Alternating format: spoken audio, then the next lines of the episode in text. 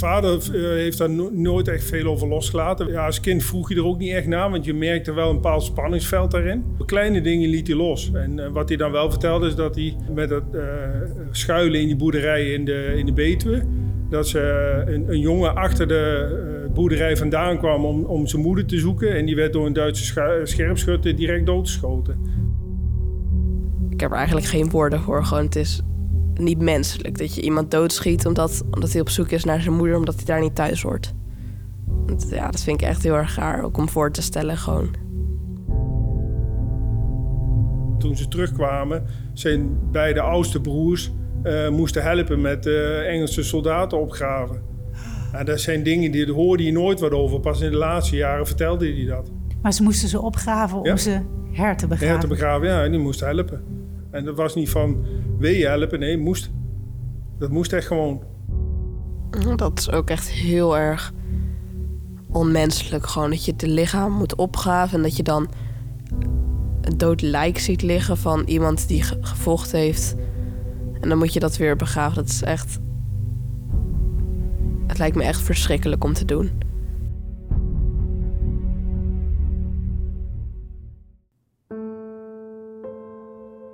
Je luistert naar de podcastserie Ik Kom Terug, waarin je verhalen hoort van de ruim 100.000 mensen die de slag om Arnhem hebben meegemaakt. In 1944 moesten ze hals over kop hun huis verlaten. Niemand wist waar naartoe of voor hoe lang. De Duitsers hadden Arnhem bezet en wilden ruimte maken om de stad te kunnen verdedigen.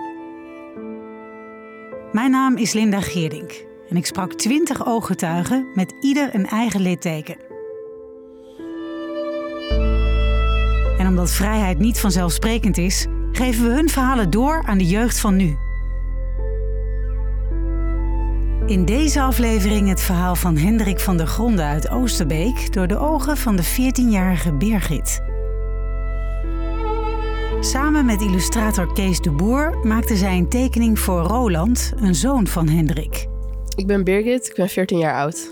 En ik ben eigenlijk altijd al wel geïnteresseerd geweest in oorlog en ehm, in hoe dat dan gaat. En ja, veel musea's bezocht over oorlog en uh, gevechten, dat soort dingen. Ik vind het eigenlijk altijd wel heel erg interessant.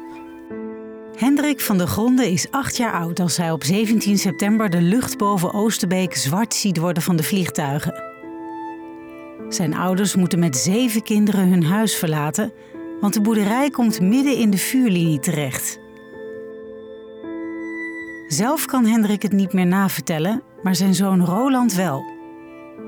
Ik spreek hem in het Airborne Museum in Oosterbeek. Er hebben hier zware gevechten plaatsgevonden. Jij woont inmiddels niet meer in Oosterbeek, hebt hier wel gewoond. Hoe is het voor jou om hier terug te zijn? Uh, uh, ja, toch wel als thuiskomen. Het is altijd prettig om hier weer te zijn. Ik kom hier regelmatig. Mijn jongste broer woont hier nog. Die heeft de pluktuin van mijn vader overgenomen. En ja, daar help ik regelmatig. Dus ik ben niet wel regelmatig in Oosterbeek. En dat voelt altijd prettig. Dus. Ja, vlak voordat je vader stierf, vertelde hij wat hij als achtjarig jongetje had meegemaakt. Uh, hun boerderij lag namelijk in de vuurlinie tijdens de slag om Arnhem. Ja. Wat heeft hij jou daarover verteld? Uh, dat hun uh, eigenlijk in, in een huis zaten wat, wat strategisch van belang was. En uh, dat is door, uh, waarschijnlijk door de Engelsen in de brand gestoken. En het gezin is door een Duitse weermachtofficier uit het huis gehaald. En uh, geadviseerd om de Rijn over te gaan, omdat dat voor het gezin veel veiliger zou zijn. En mijn vader heeft altijd gezegd van, er waren in de oorlog echt slechte Duitsers, maar er waren ook goede Duitsers. Want als deze Duitse weermachtofficier er niet geweest was, dan had het gezin het waarschijnlijk niet overleefd. Maar het was van strategisch belang, de woning? Ja, omdat het, uh, ja, uh, je kon daar schuilen, zeg maar. Omdat het tegen de bosrand aan lag, ja, dan was het uh, vanuit de bosrand het eerste huis dan hier richting Hartenstein. Maar dan is het toch onlogisch dat de Engelsen het in de fik hebben gestoken? Ja, maar dan kan, konden de Duitsers het niet meer gebruiken. Daar, daar ging het om. Want de Duitsers zaten erin in die tijd? Ja, dat wisten we gewoon iedere keer. Hè, want die front die niet veranderde iedere keer. Maar die de Duitse Weermachtofficier heeft het gezin toen gezegd van nou vertrek en uh, die heeft ze de Rijn overgezet. Dat zou je niet verwachten, toch Birgit? Ja, eigenlijk zijn er geen slechte mensen, maar meer mensen die slechte dingen doen. Omdat ze natuurlijk ook heel erg hersenspoeld zijn door wat Hitler allemaal heeft gedaan. Maar ja, ik denk dat deze Duitser dan toch nog een beetje bij zin is gebleven. En gewoon dacht van ja, dit is een familie die hier straks zijn huis moet verlaten. Kan ik hun beter nu helpen. En dan hebben ze nog een beetje de tijd om iets te pakken en iets mee te nemen van huis. Zoiets denk ik dat er is gebeurd. Ja, dus zij moesten al eerder evacueren dan Ja, dat het ja. evacuatiebevel überhaupt Ja, naar buiten ja. kwam. Hoe was dat? Eh, mijn vader eh, heeft daar no- nooit echt veel over losgelaten. Wel dat ze de Rijn overgestoken zijn. En dat ze eh, in de Betuwe bij een boerderij moesten schuilen omdat er weer beschietingen waren. Hoe zijn ze die Rijn overgestoken? Ja, waarschijnlijk met het po- veerpontje of zo. Want daar heeft hij eigenlijk nooit wat over losgelaten. Dat, het waren allemaal kleine fragmenten wat hij vertelde. En als, je de, ja, als kind vroeg je er ook niet echt naar, want je merkte wel een bepaald spanningsveld daarin. Ja, wat merkte je dan? Ja, dat, dat, hij vertelde daar niet veel over. Kleine dingen liet hij los. En eh, wat hij dan wel vertelde is dat hij eh, met het schuilen in die boerderij in de, in de Betuwe... dat ze eh, een, een jongen achter de eh, boerderij vandaan kwam om, om zijn moeder te zoeken. En die werd door een Duitse schu- scherpschutter direct doodgeschoten. Dan zie je gewoon iemand voor je neus neervallen omdat hij dan op zoek was naar zijn moeder. Ik heb er eigenlijk geen woorden voor. Gewoon, het is niet menselijk dat je iemand doodschiet omdat, omdat hij op zoek is naar zijn moeder, omdat hij daar niet thuis hoort. Ja, dat vind ik echt heel erg raar, ook om voor te stellen gewoon. En dat zijn, dat, dan denk je, ja, hoe heb je dat beleefd? En ja, dus, eh, dat, dat soort dingen vertelde hij dan wel. Dat, ja, hele indrukwekkende dingen, maar dat was dan ook maar heel kort. En wat merkte je dan aan hem? Was hij dan geëmotioneerd? Of? Ja, eh, eh, nou, niet geëmotioneerd, maar gewoon... eh, Hij vertelde het en daar bleef het ook bij. Je, je, je kon er niet op doorvragen of zo. Dat, hij liet daar niet veel over los. Je voelde dat hij daar dan moeite mee had? Ja, daar had hij wel moeite mee. Mijn vader was niet van veel woorden. Het is gewoon iets wat je best wel zwaar ligt. Omdat daar heb je heel, misschien wel een trauma aan overgehouden. Of gewoon heb je heel veel, had je heel veel angst op dat moment. En dan, dan moet je al die angst moet je weer opbrengen en omzetten in woorden. Dat lijkt me best wel lastig. En ook moeilijk om dan dat te doen en het juiste, ja, juiste gevoel dan te zoeken en te accepteren wat er is gebeurd. Dat is allemaal best wel lastig. En vanuit eh, Betuwe zijn ze doorgetrokken en zijn ze in zomeren in een, in een grote kippenschuur terechtgekomen. En of dat familie was of wat dan ook, maar ze zijn op, op een of andere manier in zomeren terechtgekomen in een kippenschuur. En daar hebben ze de, de, de oorlog verder doorgebracht. Kun je je voorstellen, wonen in een kippenschuur? Nee, ik kan je geen voorstelling van maken. Maar er werd wat geregeld, dat hoorde je gewoon. De, de, de, de situatie was daar en mensen moesten ondergebracht worden. En hun kwamen dan in de kippenschuur terecht. En mijn vader heeft het altijd als prettig ervaren. Prettig? Ja, hij heeft er nooit gezegd van dat, het, dat het vervelend was of zo. Want het was op een boerderij en er was van alles te beleven. En ze hielpen mee in dat boerenbedrijf. Hij heeft dat niet als, als, als vervelend ervaren of zo. En hadden ze daardoor ook voldoende voedsel en drinken? Ja, Ik heb hem nooit over honger gehoord, nooit. Er was altijd voldoende eh, te eten en te drinken. Er was, er was geen gebrek aan, zeg maar.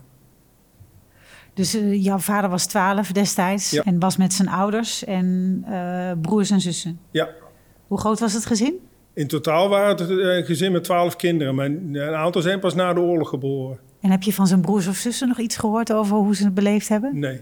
Nee, er werd eigenlijk niet over gesproken. Heel mondjesmaat hoorde je van mijn vader dan wel wat dingen. Maar voor de rest van, van ooms en tantes heb ik eigenlijk nooit wat gehoord. Die, die, liet- eh, er werd, werd gewoon heel weinig over gezegd. Hè, de, de het dorp moest weer opgebouwd worden en eh, de economie moest opgebouwd worden. En thuis werd daar niet heel veel over gesproken. Ja, tijdens de Erbomars en tijdens de herdenkingen hoorde je af en toe wat verhaaltjes. Maar vanuit zichzelf kwam die er niet mee. En heb je nu wel eens gedacht van had ik maar iets meer doorgevraagd? Ja, ja, soms wel. Zeker met dit project. Ja, ik had wel wat meer willen weten. Maar de, pas op het laatste liet hij ook dingen los. Dat toen ze terugkwamen, zijn beide oudste broers eh, moesten helpen met eh, Engelse soldaten opgraven. Nou, dat zijn dingen die daar hoorde je nooit wat over. Pas in de laatste jaren vertelde hij dat. Maar ze moesten ze opgraven om Ja. ze her te begraven. Her te begraven, ja, die moest helpen. Mijn vader was te jong, want het, eh, zijn broers waren ouder. Mijn vader was er te jong voor, maar zijn beide oudste broers moesten helpen. En dat was niet van, wil je helpen? Nee, moest. Dat moest echt gewoon. Dat is ook echt heel erg onmenselijk. Gewoon dat je het lichaam moet opgraven en dat je dan een dood lijk ziet liggen van iemand die ge- gevochten heeft. En dan moet je dat weer begraven. Dat is echt. Het lijkt me echt verschrikkelijk om te doen. Terwijl ze ook nog voor, want ze waren ook te werk gesteld, die broers. Eh, een van zijn broers is te werk gesteld in Duitsland, ja. Ja, dus ze hadden afschuwelijke dingen meegemaakt. Ja. En, en toen ook nog eens een keer dit. Ja. Aan het einde van de oorlog. Ja, en het huis kwijt. Want het huis waar ze in woonden, of de boerderij, die, daar was niks meer van over. Het was allemaal weg. Eh, Ook spullen waren allemaal weg. Ze hadden helemaal niks meer. Wij gingen op zondag vaak wandelen. En dan ga je ook over de oorsprong of andere plekken hier. En we- dan kom je ook langs het, eh, plek waar mijn, eh, de boerderij van mijn eh, vader gestaan heeft. En daar staat nog één herkenningspunt, dat is de waterpomp. De rest is weg. Er staat alleen een, zeg maar een beton of een gemetseld muurtje. En mijn vader zei altijd, ja, daar moesten we vroeger onder wassen. Daar stond de handpomp op, zeg maar, waar je, waar je water mee kon oppompen. En die staan nog steeds in het weiland. Ben je al langs geweest? Ja, ik kom daar regelmatig langs. Dat, eh, je kunt ook zien, er zit, een soort glooiing in het landschap waar, waar het huis gestaan heeft. Maar ja, dat moet je weten. Als je er langs loopt, is het gewoon een weiland. En er staat een betonnen muurtje, zeg maar. Dat zegt ook niemand wat. Ja, voor, voor, Maar jou heel veel. Ja, mij heel veel, ja. Ja, Mooi dat het er nog staat. ja dat is wel heel apart, ja. De rest is alles weg, maar eh, dat staat er nog steeds. En het is gewoon een gemetseld muurtje met een pomp. Ja, gewoon een vierkant, eh, ja, zeg een soort kubus, zeg maar. Maar die pomp is er al af, het is gewoon dicht. Ik denk ook niet meer dat je ooit nog water uit kan krijgen. Maar de, ja, dat muurtje staat nog steeds, dat hebben ze nooit weggehaald. Het enige wat dus nog over was, was dat muurtje. Maar jullie hadden ook een moestuin in de familie. Ja, Die was er ook nog. ja, die is er nog steeds, ja. En die is inmiddels eh, omgezet naar Henks Pluktuin. Mijn, mijn broertje doet het nog. En die heeft het genoemd naar mijn vader. Henks Pluktuin. Moestuin bij het oude kerkje. Daar is mijn opa ooit mee begonnen. En eh, voor, om zijn gezin te voorzien van eten. En eh, na de oorlog zijn ze wel weer teruggekomen. Eh, mijn opa het nog een aantal jaren gedaan. Daarna heeft mijn vader met zijn broer het overgenomen. En ja, die plek is heel hard gevochten. In die tuin zijn ook Engelsen begraven. Maar dat is bij het huis van Kate Horst. Daar is die tuin van. Kate Horst werd ook wel de Engel van Arnhem genoemd, omdat zij zo'n 250 Britse gewonde soldaten heeft verzorgd. Het huis van ter Horst werd tijdens de slag om Arnhem namelijk ingericht als hulpverleningspost voor de Britten. Haar man was destijds waarnemend burgemeester van de gemeente Renkum. Eh, in een boomgaat lag een eh, kapotgeschoten jeep. En ja, nu is een hele vredige eh, ja, pluktuin waar heel veel mensen komen om, om hun dagelijkse groenten te halen. En eh, ja, mijn jongste broer doet dat dan nog steeds. Wat een contrast, hè? Ja, dat is een enorm contrast. Als je daar loopt is het heel vredig.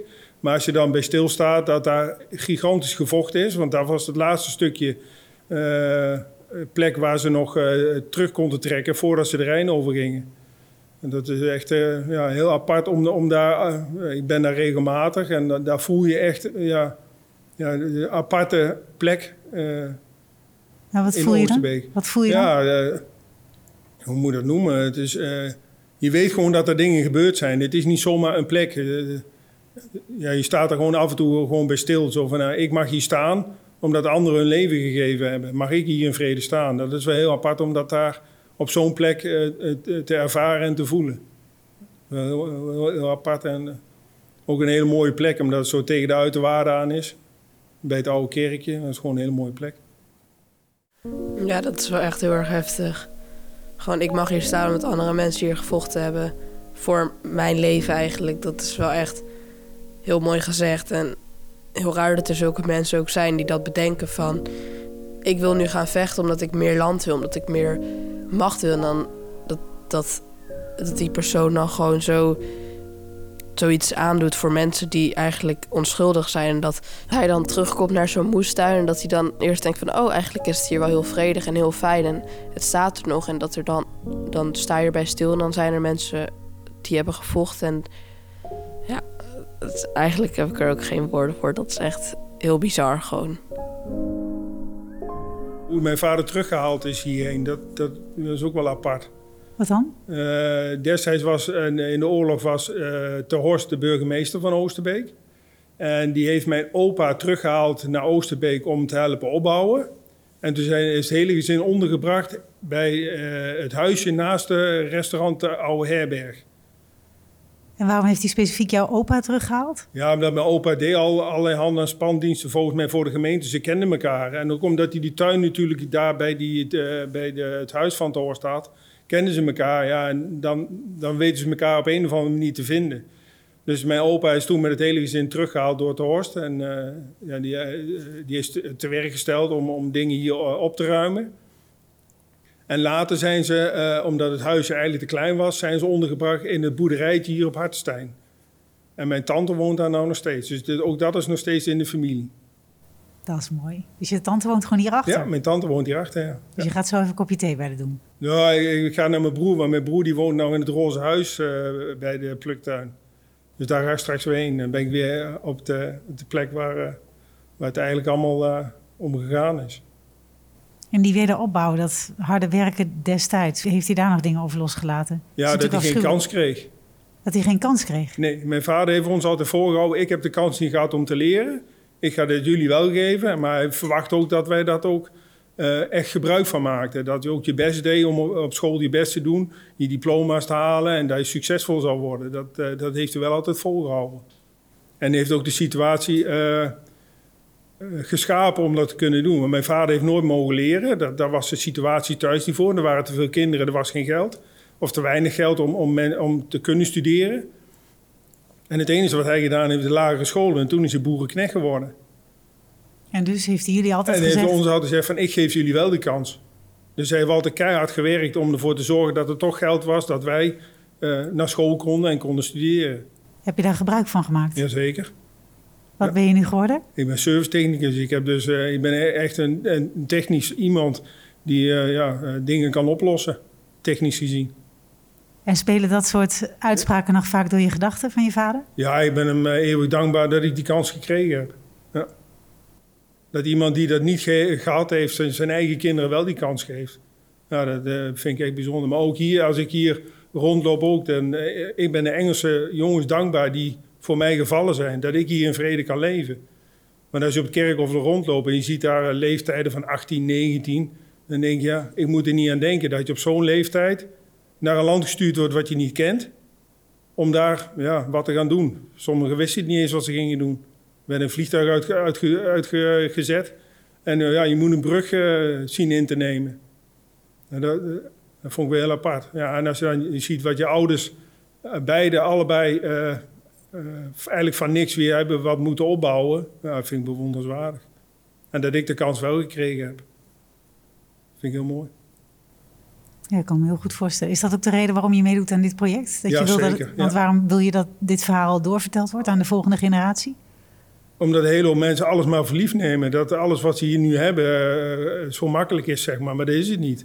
Het is niet zomaar zo gekomen. Daar hebben mensen heel hard voor moeten werken. En, de, en uh, ja, die verhalen, uh, als je dat niet doorvertelt, ja, dan raakt het kwijt. En dan, dan zegt het dat mensen hier gevallen zijn, zegt dan op een gegeven moment niks meer. En dat zou zonde zijn. Nu heb jij natuurlijk een heel ander leven, hè? maar sta jij er wel eens bij stil? Nou ja, ja. Ik denk, vooral natuurlijk tijdens bevrijdingsdag als je even een minuut stil moet zijn of zo. Maar ook wel bijvoorbeeld uh, ja, tijdens uh, een geschiedenisles of als we dan een film gaan kijken over de Wereldoorlog, dan ik vind dat heel moeilijk om aan te zien. Ik word er heel misselijk van als ik dan zie dat mensen andere mensen beschieten en dat ze dan echt in een gevecht zijn. Ik kan er echt niet naar kijken. Ik vind dat echt heel heftig. Maar ik denk vooral ook als je het hoort, dus als je het iemand hoort vertellen of als je dat soort beelden ziet, dat je dan wel echt denkt van wow, dit is, dit is echt oprecht gebeurd. En het is zo heftig wat die mensen die daar ook echt live bij waren, laat me zeggen, meegemaakt hebben. Dat, ja, ik kan het me beseffen, maar ik denk niet dat je het echt beseft hoe heftig het was als je daar echt bij was geweest. En dus belangrijk om door te blijven vertellen? Ja, dat denk ik zeker.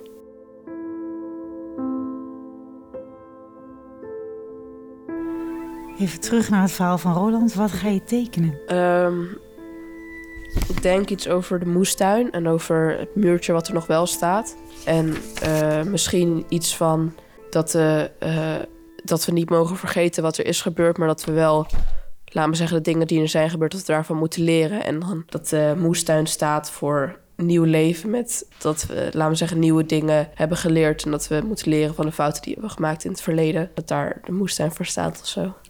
Mooi. Ik vond dat verhaal van die, uh, de vredige tuin, dat vind ik ook wel zo'n tuin ja. van hoop.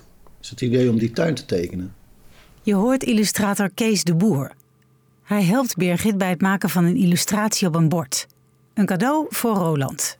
Ja, iets wat mij ook wel heel erg is bijgebleven uit uh, verschillende oorlogsfilms... is ook dat de enige emotie die groter is dan angst, hoop is. Wow. Ja, dat vond ik ook wel heel erg mooi en heel erg... Ja, het, het klopt ook gewoon. Dat vond ik echt heel erg bijzonder. Gewoon dat te beseffen. En dan denk ik dat we daar ook mee om moeten gaan... of daarmee door moeten leven... maar wel moeten zorgen dat het niet nog een keer gebeurt... En daarom ook dat het heel belangrijk is dat we het doorvertellen, denk ik. Oké. Wat ga je tekenen? Ga je mee beginnen? Ik ga beginnen met de moestuin, denk okay. ik.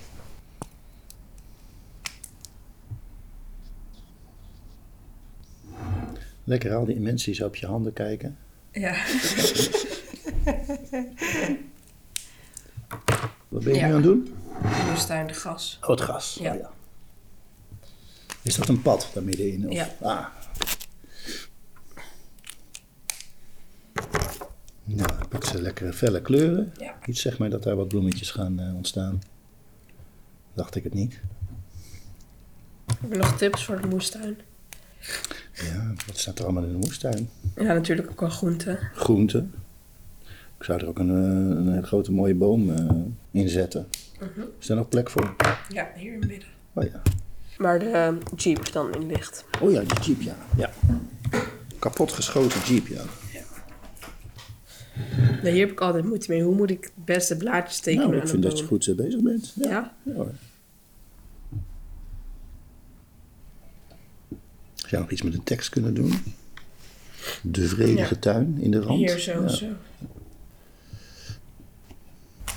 Wauw, jullie wel aan de muur. Wat vind je zelf van het resultaat? Mm, ik ben er best wel tevreden over. Wat denk je dat Roland ervan zegt? Ik hoop dat hij het mooi vindt. En dat hij uh, blij is met het bord. En dat het ook volgens hem aansluit op, het, op zijn verhaal. En dat het hem een beetje helpt met het accepteren wat er is gebeurd. En zijn gevoelens een plekje geven.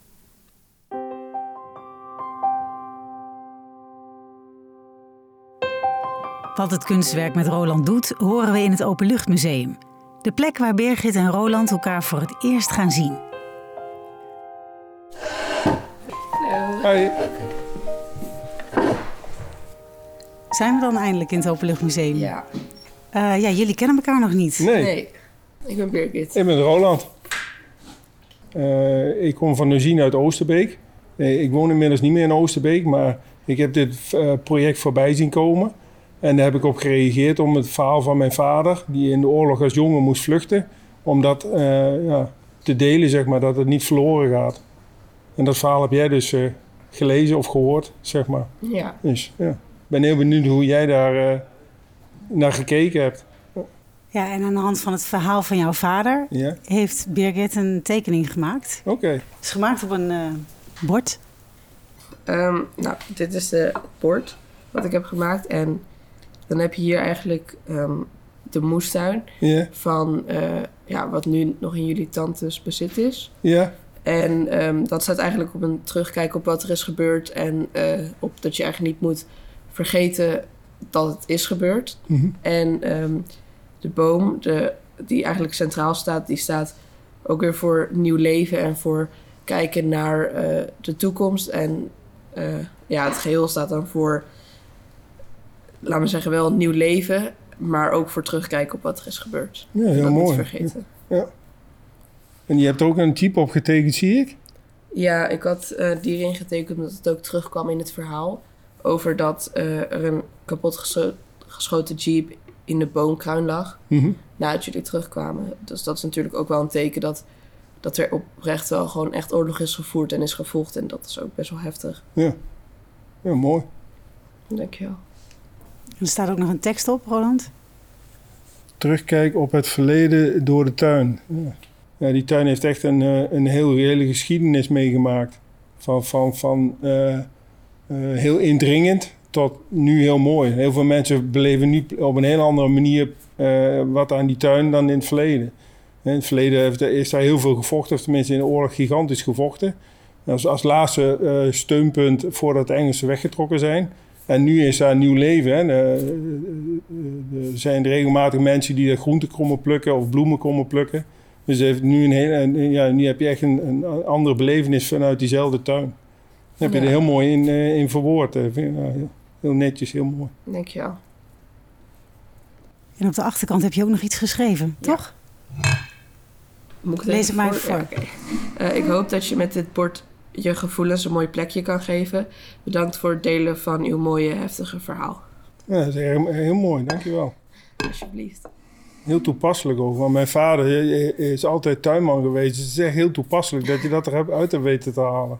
Dat vind ik heel knap. Maar je moet het wel de vorm zien te geven en dat heb je heel mooi gedaan. Dankjewel. Nee, echt super. Je luisterde naar de podcastserie Ik Kom Terug. Wil je meer evacuatieverhalen horen? Luister dan hier naar andere indrukwekkende herinneringen. Zo ook het verhaal van Jan Kelkes. Als achtjarige jongen werd hij samen met zijn broertje en ouders beschoten toen ze moesten evacueren. Een hele vriendelijke meneer die komt af en die zegt: uh, Mist u soms een, uh, een man met een klein jongetje achter op de fiets? Ja, ik kan u niet anders zeggen dat uw man ernstig gewond is geraakt en u zult dus terug moeten. Mijn vader was inmiddels naar een noodhospitaal gebracht. Zijn knie verbijzeld, dwars door de wang geschoten, de kiezen eruit. Het lijkt me echt heel naar. Dat je met je moeder voorop zit fietsen en je vader en broertje, je weet niet waar ze zijn. En dat ze dan zo gewond raken. wil ik zelf niet meemaken. De verhalen van ooggetuigen worden steeds zeldzamer. Deel daarom deze podcast, zodat iedereen hoort dat vrijheid niet vanzelfsprekend is. Deze podcastserie is mogelijk gemaakt dankzij de samenwerking tussen Airborne Museum Hartenstein, het Nederlands Openluchtmuseum, de Airborne Region, Bureau Kessel en de NOW Foundation. Met steun van provincie Gelderland, Programma Vrijheid, gemeente Arnhem, VSB-fonds en het V-fonds. De redactie werd gedaan door Marieke van Kessel. De montage lag in handen van Linda Geerdink. En de eindmix deed Peter Kluiver. Wij hopen natuurlijk dat veel mensen gaan luisteren en daarvoor helpt het wanneer je een recensie achterlaat bij Spotify of Springcast. Graag tot de volgende aflevering.